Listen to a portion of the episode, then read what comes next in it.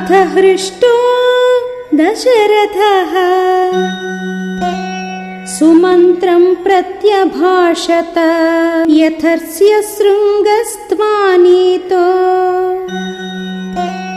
विस्तरेण त्वयोच्यताम्।